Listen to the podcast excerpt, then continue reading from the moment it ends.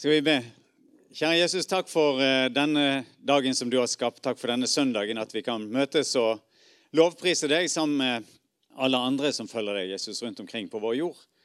Eh, takk for at turen kommet til oss, og takk for at vi kan komme inn i ditt hus med forventning til det du vil skape. Så, eh, så takker vi deg for at du er her med din Hellige Ånd, at du vil tale inn i våre liv. og Hjelp oss, Herre, til alltid å lytte til det du har å si, og ta imot dine ord og handle etter de også, Herre. Så eh, ber vi for uh, denne adventstiden, Herre, at du igjen kan skape i oss forventning, ikke bare til julen, men til det som ligger enda lenger framme, der du skal komme igjen, Jesus. Det ber vi om i ditt hellige navn. Amen.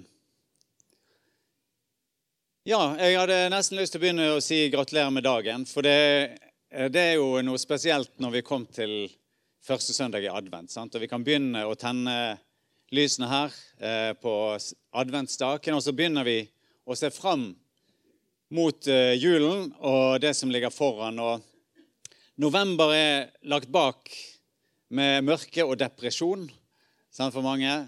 Dårlig humør, eh, tunge morgener. Nå vi, begynner vi å tenne julelysene sant, og, og vente og se framover. Og julen kommer på mange måter med lys og løfter. Vi er inne i en sånn ventetid. Sant? Og ofte, kanskje aller helst hos de yngste, da, så er adventstiden en tid eh, ikke bare med venting, men med forventning sant, til det som ligger foran. Det kommer noe der framme. Foreløpig er det tidlig, sant, så det ligger langt bak. Det, det, det, men langt der framme er det noe utrolig fantastisk. Og så ha en forventning. Og kanskje for de aller minste, og noen av oss vi husker at vi var der. Sant? At du venter på en måte. Hva er det mor og far har kjøpt til meg i år? Sant? Og får jeg virkelig det der jeg ønsker meg? Jeg husker det var en uh, jul jeg ønsket meg virkelig en sånn der uh, gyngehest. Sant? Jeg vet ikke om det fins lenger. Nå er det sikkert elektronisk at du kjøper det på datamaskinen. Men det var en fysisk gyngehest. Vi kunne sette oss oppå den, og så kunne vi gynge på den hesten. Og jeg hadde ønsket meg dette lenge og sagt til foreldrene mine i god tid jeg ønsker meg en gyngehest. Og så så jeg faren min komme hjem med en kjempediger presang. Eh, og så gikk han inn eh, på en sånn Vi hadde en sånn bestestue som vi bare brukte til jul og eh, når det var eh, gjester som kom. Sant? Ellers var det bare kaldt der inne, og ingen gikk inn der. Det aller helligste, på en måte. Sant?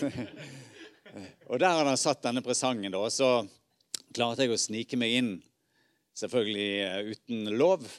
Og fikk se at der, der var det faktisk en gyngehest. Eh, det var ikke noe kjekt å oppdage det på forhånd, egentlig, da. Eh, men gleden var likevel der. sant? Og så nærmet vi oss jul, så spurte foreldrene mine plutselig en dag så sa de, eh, 'Vet du hva du får til jul?' Og det spørsmålet kom veldig overraskende på meg. da. Så jeg hadde ikke noe godt svar. Så jeg sa kanskje jeg får en sånn der gyngeape. og da var forventningen der. Men forventningen var tatt litt ut, da, siden jeg hadde allerede sett gaven. Men eh, så er det sånn eh, julen, sant? Det er fire uker nå fram til jul ca. Og hvis ventetiden blir for lang, som det tror for barna, så går det greit med de fire ukene. Men hvis ventetiden blir veldig veldig lang, så kan vi fort glemme hva det er vi venter på. Hvis du, hvis, du, venter på noe langt der framme, så kan du glemme hva du venter på, nesten. Og der eh, tenker jeg at vi i adventstiden så må vi se den større fortellingen som ikke bare handler om 2018 og julen 2018. Men det handler faktisk om at livet vårt er en del av en mye mye større fortelling. Der vi er inne i en sånn eh, adventstid. Der eh, sant, I julen får vi høre at, at Gud kom til jord. Sant? Herren skapte, og så sendte han Jesus. Jesus ble født. Han levde, han døde han, som soning for våre synder. Han sto opp igjen. Sant? Og så skal han komme tilbake. Så skal han komme tilbake. Og det er den adventstiden vi nå er inne i, der vi venter sant? på at Jesus skal komme igjen. Og det er den store fortellingen. Det er den store fortellingen, og handler ikke om 2018. Men han skal komme igjen for å dømme levende og døde, står det i Bibelen. Og denne dagen er det vi venter på. Og denne dagen er det Bibelen sier hele skapningen venter på den dagen da alt måtte skal gjenopprettes Sånn at Jesus kommer igjen, og så gjenopprettes alt. Så venter vi på det. Den store adventstid. Og der, i den store fortellingen så er du og jeg vi er en del eh, av den fortellingen. Men når det tar lang tid, så kan en ofte glemme nesten hva en venter på. Og hvis en leser i Bibelen, så ser en akkurat det. At folk, mange folk, fordi det tok så lang tid sant? Jesaja sine profetier om Messias som skulle komme, kom 700 år før Jesus ble født. Og så ble måte, forventningen levert fra generasjon til generasjon. Sånn Og som far så måtte vi fedre her, vi måtte gi det videre til barna våre og si at en dag så kommer Jesus og sender Gud den frelseren som er lovet her i profetene. Så ser du at livet ditt går mot slutten. Så sier du 'hold fast på det håpet' til neste generasjon. Så kommer neste generasjon, og så må de si det samme når livet deres går mot slutten. Så går generasjon etter generasjon. 300 år. Så kommer vi til den siste profeten i Bibelen, sant? Malaki. Og selv etter det så går det generasjon etter generasjon og 400 år før Jesus blir født. Og i den lange perioden der så er det mange som glemmer hva de venter på. Og så slutter de å tenke på at profetiene faktisk gjelder. Og at dette er noe som skal skje. Det handler om våre liv. Om mitt og ditt sitt liv. Og det Bibelen sier at skal skje, det skjer når tiden er inne. Og nå har vi levd eh, i lang tid etter Jesus. Og så er spørsmålet liksom til oss hvor er vi? sant? Er vi blant de som venter? I Bibelen så kan vi lese om eh, to stykker som de er jo troshelter. Sant? Simeon og Anna. Sant? De, eh, de var der og ventet på Jesu komme i tempelet. Sant? Simeon han, eh, Det står om han at i Jerusalem bodde det en mann som het Simon. Han var rettskaffen og gudfryktig og ventet på Israels trøst. Og så kommer foreldrene til Jesus med Jesus sant? etter fødselen. Og så er han der, og så er han klar. Fordi at Simeon han har fått et løfte at du skal få se Herrens salvede. Nå kom han til tempelet ledet av ånden, og da Jesu foreldre kom med barnet for å gjøre med ham som skikken var etter loven, tok Simon barnet opp i armene sine. Han lovpriste Gud og sa, 'Herre, nå lar du din tjener fare herfra i fred, slik som du har lovet.' 'For mine øyne har sett din frelse, som du har gjort i stand, like for ansiktet på alle folk.' 'Et lys til åpenbaring for hedningene og ditt folk Israel til ære.' Anna på samme måte. Sant? En dame som var der, som hadde hatt et hardt liv. Hun hadde bare vært gift syv år da hun var ung, og så nå var hun 84. Og så går hun og venter og ber. Og så kommer Annas lovprisning. Fordi at hun var blant de som ventet, blant de som hadde forventning til at løftene i Bibelen de skal gå i oppfyllelse. Herrens ord står fast. Er du blant de som venter? Er du blant de som venter? Venter på Herrens komme? Og la det være retningsgivende for livet. Eller er det blitt sånn at Fort gjort å tenke fordi det drøyer så lenge. Sant? 2000 år. Det er ikke så farlig hvordan vi handler. Sant? Det er ikke så farlig lenger. Fordi at han kommer liksom aldri igjen. Hvilken side er vi på? Blant de som venter i forventning, eller de som har glemt at han faktisk skal komme igjen? De som søker Jesus kjærlighet, lengter etter dagen han skal komme, og handler i tråd med hans vilje. Jeg har lyst til at det skal være bakteppet for når vi går inn i teksten i dag. Det var en lang innledning, men det er advent, så da kan vi ha en lang innledning. Sant? Og talen blir ikke tilsvarende lang, for å si det sånn. Eh, det er bakteppet for teksten. Og teksten i dag det er en sånn tekst som kan gjøre oss menn eh, i salen litt skjelvne, fordi at nå føler vi at vi går inn på Kanskje Det er vanskelig med sånne kjønnsstereotyper, men kanskje kommer vi litt vel langt inn i eh, det feminine domenet her. Sant? Vi skal snakke veldig mye om kjærlighet. da. Sant? det kan bli eh, for mange av oss litt klamt. Men eh, det vi skal høre nå i dag, det gjør at vi likevel tror jeg skal komme vel ut av dette. Som Rune leste her, da, det var veldig stilig med den fisken som nå ligger her. Halvdød. Rune leste det verset som er verset i dag, Johannes 15, vers 9. Som far har elsket meg, har jeg elsket dere. Bli i min kjærlighet. Som far har elsket meg, dette sier Jesus. Som far har elsket meg, har jeg elsket dere. Bli i min kjærlighet. Bare kort, eh, Mange av dere har hørt dette før, sant? men uh, bare kort uh, for å fortelle litt om den bibelske kjærlighet. Sant? Sånn at vi også, alle, både kvinner og menn, får dette i et rett perspektiv. Uh, på gresk så har vi tre, i disse gamle tekstene tre ord for kjærlighet. Sant? Det ene er filio, som handler om broderkjærlighet, sant? som vi kjenner mellom søsken eller mellom venner. Sant? Det kan være en sånn hengivenhet der en stiller opp for vennene sine fordi at en er glad i de. Så har vi eros, som er den erotiske kjærlighet. Sant? Det som handler om, ofte beskrevet som seksuell tiltrekning. Og Det er liksom hovedbetydningen av den kjærligheten. Og så har vi agapekjærligheten, som også, hvis en slår opp i ordboken, så er det hengivenhet, det er velvilje, det er sympati. Det er ofte den kjærligheten som er mellom foreldre og barn. Sant? Eh, som er en annen type kjærlighet enn det du har til venner. Og også mellom barn og foreldre. Sant? Det går begge veier. Ikke bare den ene veien, det går begge veier. Denne kjærligheten, det er agapekjærligheten. Og når vi går inn i eh, teksten i dag, så er det denne siste det er snakk om her. Sant? Bli i min kjærlighet. Som Faderen har elsket meg, det er foreldre, barn. Som Faderen har elsket meg, har jeg elsket dere. Bli i denne agapekjærligheten. Hengivenhet, velvilje, sympati og kjærlighet som mellom foreldre og barn, og barn og foreldre. Og dette er en annen kjærlighet enn den der eh, sitt ned og si 'jeg elsker deg'-kjærligheten. Som vi kan føle blir litt sånn klam en del. Hvis du skal bare sitte der, og så skal du si disse ordene fram og tilbake. Sant? 'Jeg er glad i deg. Jeg er glad i deg òg.' OK. Sant? eh, eh, sant? Og så Ja. Eh, så går vi videre, og så dagen etter sier vi det samme.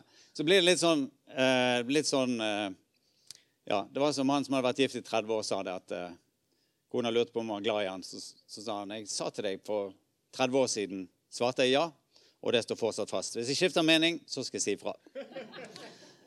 Sånn. Trenger ikke bekrefte det hele tiden. Dette Agapekjærligheten det er ikke en sånn sitt ned og si 'jeg elsker deg', men det er en handlende kjærlighet. Sant? En handlende kjærlighet. Det er den kjærligheten som er beskrevet i 1. Korinterbrev 13. Kjærligheten er tålmodig. Kjærligheten er velvillig. Den misunner ikke. Den skryter ikke. Er ikke hovmodig. Kjærligheten krenker ikke. Søker ikke sitt eget er ikke oppfarende og gjemmer ikke på det onde. Veldig konkret kjærlighet, er det ikke det? Den gleder seg ikke over urett, men har sin glede i sannheten. Kjærligheten utholder alt, tror alt, håper alt, tåler alt. Denne kjærligheten er det vi snakker om. Kjærligheten som gis uten at det forventes nødvendigvis så mye tilbake. Det er en veldig underlig sammenheng i Bibelen som går på Og dette handler også om den handlende kjærlighet. Som, han, som går på dette med sammenhengen mellom kjærlighet og lydighet. Kjærlighet og lydighet kommer ofte i samme eh, avsnitt, eller ofte i samme setning, faktisk, i Bibelen. Sant? Kjærlighet og lydighet. Kjærlighet og lydighet. Lukas 6, 46, så sier Jesus handler om det samme. Han sier, 'Hvorfor kaller dere meg, meg Herre, Herre?' Og så gjør dere ikke det jeg sier. Hvorfor, hvorfor, sier du at du er glad i meg, og så handler du strikk i strid med det som jeg har sagt? Det samme kan vi finne i denne teksten her som vi leser i dag. Skal vi lese neste vers også? Sant? Så begynner vi der vi begynte. Som far har elsket meg, har jeg elsket dere. Bli i min kjærlighet. Kommer neste vers. Hvis dere holder mine bud, blir dere i min kjærlighet, slik jeg har holdt min fars bud og blir i hans kjærlighet. Lydighet og kjærlighet. Kjærlighet og lydighet. Så sa du, Rune, her i begynnelsen sant, at ofte så kan vi føle at den kjærligheten, når vi begynner å komme inn på dette, så blir det en liten glassbolle som vi alltid ønsker. Vi ser ut, og vi ser at det er spennende ting på utsiden, men vi kommer aldri utenfor. på en måte. Da må vi knuse bollen sånn, for å komme utenfor. Og det blir en ramme som kan føles som en begrensning. Vi hadde, I Tent så hadde vi kjøpte møbler, masse stoler sånn som her. Og Da var det en selger fra Pitney Bowes som kom til oss. og Vi hadde snakket med han. Sant? Og Allerede første samtalen vi hadde med han, spurte han hva vi holdt på med. Og så sa vi hvem vi var, at vi var en kristen organisasjon. Så sier han ja, bestemoren min var kristen. Bestemoren min var kristen. Sånn at når vi kom dit til henne, så fikk vi aldri lov til å spille kort. Sånn. Hun var kristen, vi fikk ikke lov til å spille kort. Vi støter mot glassbollen med en gang. Sånn. Eh, og sånn er det mange i den generasjonen som har opplevd det. Sånn De har opplevd bare de der eh, begrensningene. Nå støter vi, Det er noe spennende der ute, og så støter vi mot begrensningen. Eller hvis du kunne tenke deg å være inne, så sier du nei, det er det der, det blir for trangt for meg. Men han eh, selgeren der sant, han fortsatte å komme til oss også etter at vi hadde kjøpt møblene. Så fortsatte han å komme på lunsj hos oss. Fordi at han sa, altså Der oppe hos de, Pitney Boys, var det sånn kjempegod lunsj. Det var jo sånne rekesmørbrød. Du så ikke smørbrødet. Det var bare reker. liksom, sånn haug med reker. Så vi, vi, var, vi, var, der oppe av og til og spiste lunsj. og Kjempebra. Så sa vi du kan bare komme til lunsj hos oss. Eh, vi har kaffe, men du må ta med deg nistepakke. eh, så det Første gang han kom, sa jeg vi har jo ikke mye å stille opp med her. Nei da, det var helt greit. Så kom han igjen og igjen. Og sa jeg hvorfor, eh, altså, Du har jo den utrolig deilige lunsjen der oppe. Hvorfor kommer du hit og spiser lunsj med oss? Så sa han det er mye mye mer hjemmekoselig her. Her kan vi dele liv. Så, utrolig fint vitnesbyrd å høre tilbake igjen. Her får vi dele liv. Sånn, han har lyst til å, å dele. Sånn, og da blir eh, budene, som han ikke hadde oppdaget ennå da, men det blir en ramme som gir frihet i livet. Sant? Det er ikke en begrensning, men det er rammen som gir frihet. Når du opererer innenfor rammen, sånn som Rune viste med fisken her, så, så lever du i det rette element. Men hvis du bryter ut, så mister du faktisk friheten. Skal vi lese litt videre? Nå får dere høre denne teksten mange ganger, men det gjør ingenting. Vi begynner igjen på vers 9. Som far har elsket meg, har jeg elsket dere. Bli min kjærlighet. Hvis dere holder mine bud, blir dere i min kjærlighet, slik jeg har holdt min fars bud og blir i hans kjærlighet.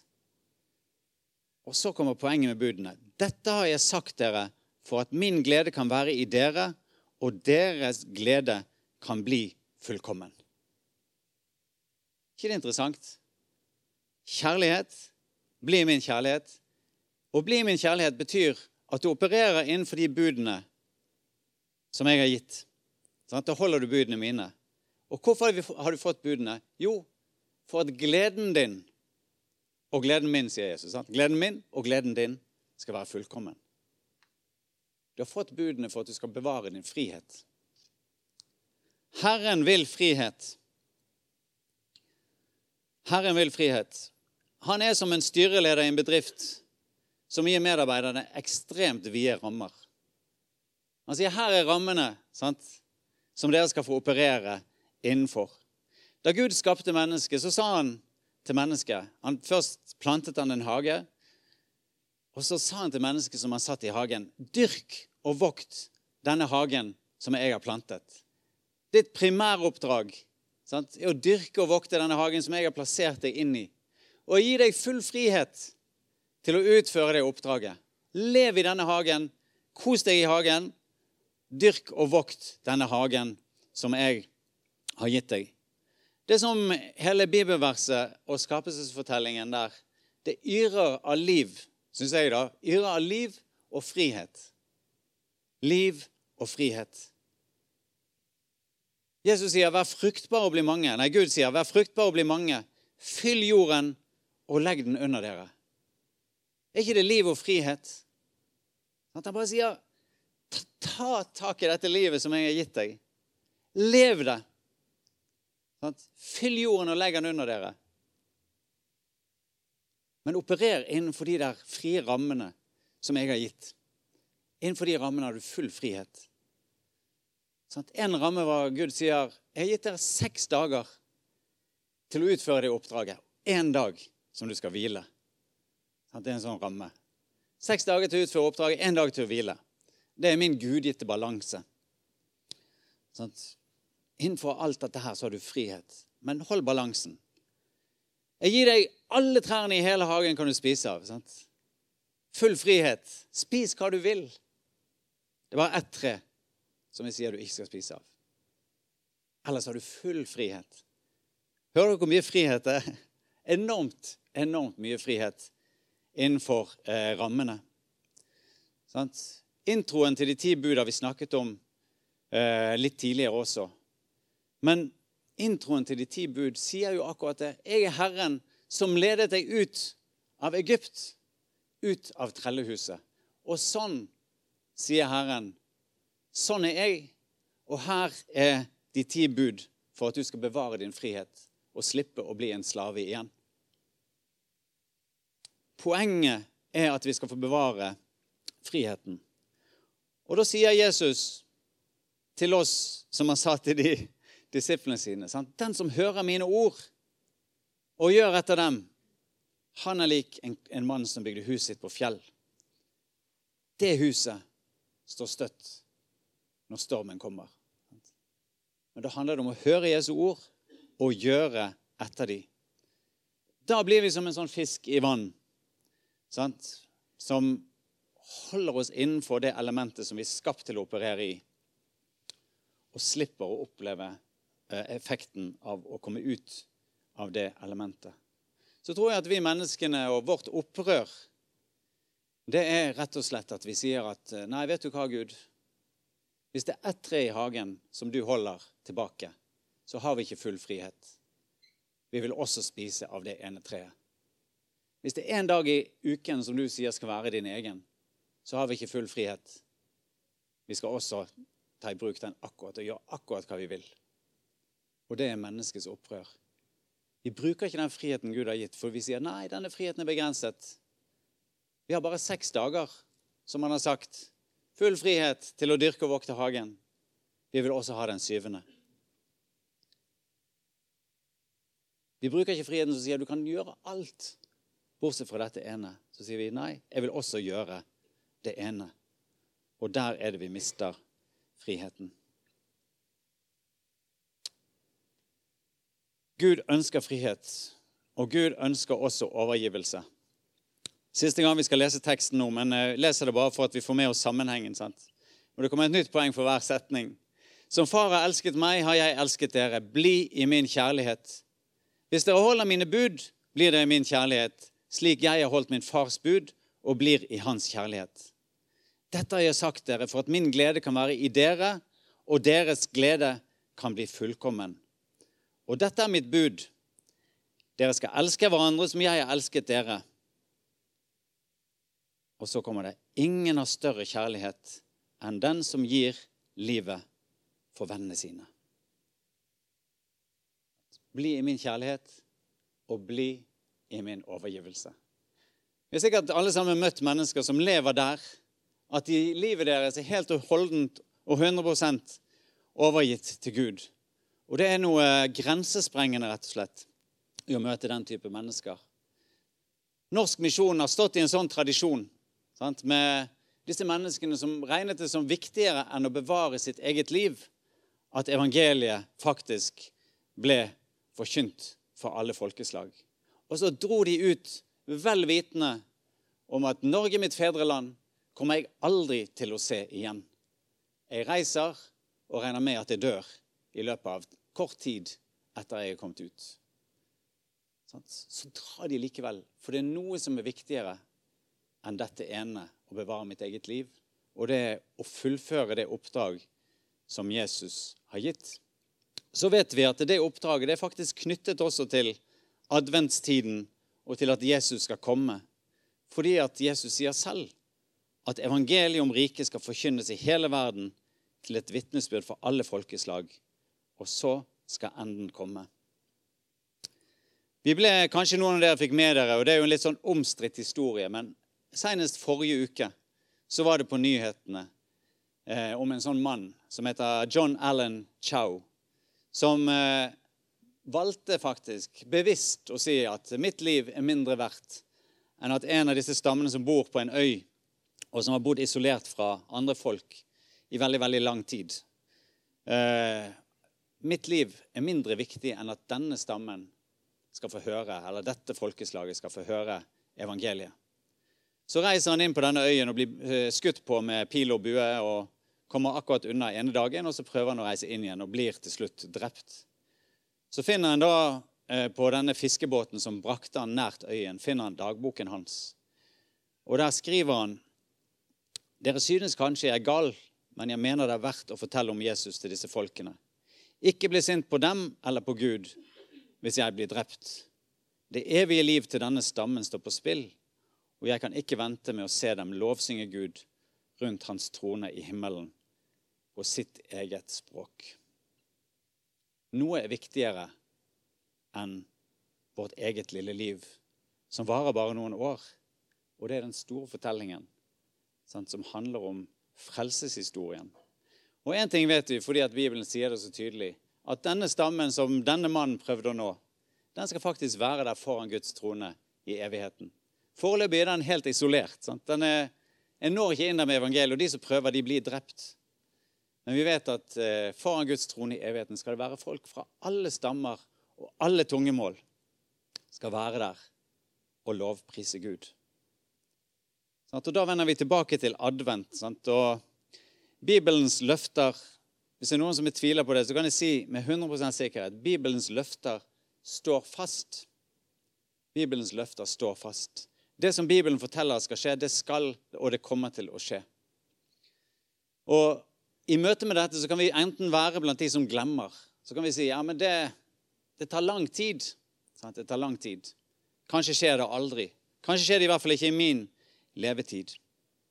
Eller så kan vi være blant de som venter. Det er folket som venter. Og arbeider i kjærlighet sant? for med det som Jesus har bedt oss om å gjøre. Og i dette livet så holder vi fast på hans bud. Og gjør vi dette, så blir vår glede fullkommen. Da blir gleden fullkommen. Ikke fordi vi nødvendigvis har det så veldig bra materielt sett, men fordi vi lever et overgitt liv. Og da vet vi at livet også blir til glede både på jord og i himmelen. Så jeg har bare lyst eh, for oss alle bare å komme med det ønsket sant, inn i adventstiden. At la oss alle sammen skrive livshistorien vår inn i den store gudsfortellingen. Den store frelseshistorien. La oss være folk som arbeider og venter. La oss være folk som søker Herren, som sier det er godt å være stille og vente på hjelp fra Herren. Det er godt å reflektere og tenke på alt som Han har gjort. Vi skal synge en sang etter eh, talen nå. Jeg skal bare be først. Som handler om dette med å tenke. Sant? Og la fokus være på rett sted. Og nå i adventstiden så kan vi la tankene våre alltid vandre. Og hjertet vårt og tankene våre vandre til Jesu føderom. Skal vi be. Kjære Jesus, takk for ditt ord til oss i dag. Takk for uh, din kjærlighet til oss, Jesus, som vi kan ta imot, og som kan overstrømme oss, Herre. Uh, og som overgår all forstand, og uh, som ber bare at mer av den skal bare gå opp for oss, Herre, hvor mye du elsker oss, og at det skal være fundamentet og grunnlaget for den tjeneste vi står i, også som er en kjærlighetens tjeneste, Herre. Takk for at du har gitt oss av denne kjærlighet som er oppofrende, som er handlende, som vil det beste for menneskene vi har rundt oss. Og la oss leve, Herre, i den kjærlighet. Så ber vi om at vi må få være folk og velge, at vi må velge å være folk som venter, blant de folkene som venter, og venter på ditt komme. Ikke bare i julen 2018, Herre, men i den store verdenshistorien, den store frelseshistorien. At vi venter på ditt komme, at vi jobber, Herre, med det perspektiv for øyet. At du skal en dag komme igjen for å dømme levende og døde. Og da vil vi ha så mange som mulig, Herre, med oss på veien til livet. Herre Jesus, la oss være trofast. Selv om det drøyer før du kommer, la oss være trofast. Og bare stå i det oppdraget med blikket alltid vendt eh, på deg. Du som er troens opphavsmann og troens fullender. I Jesu navn. Amen.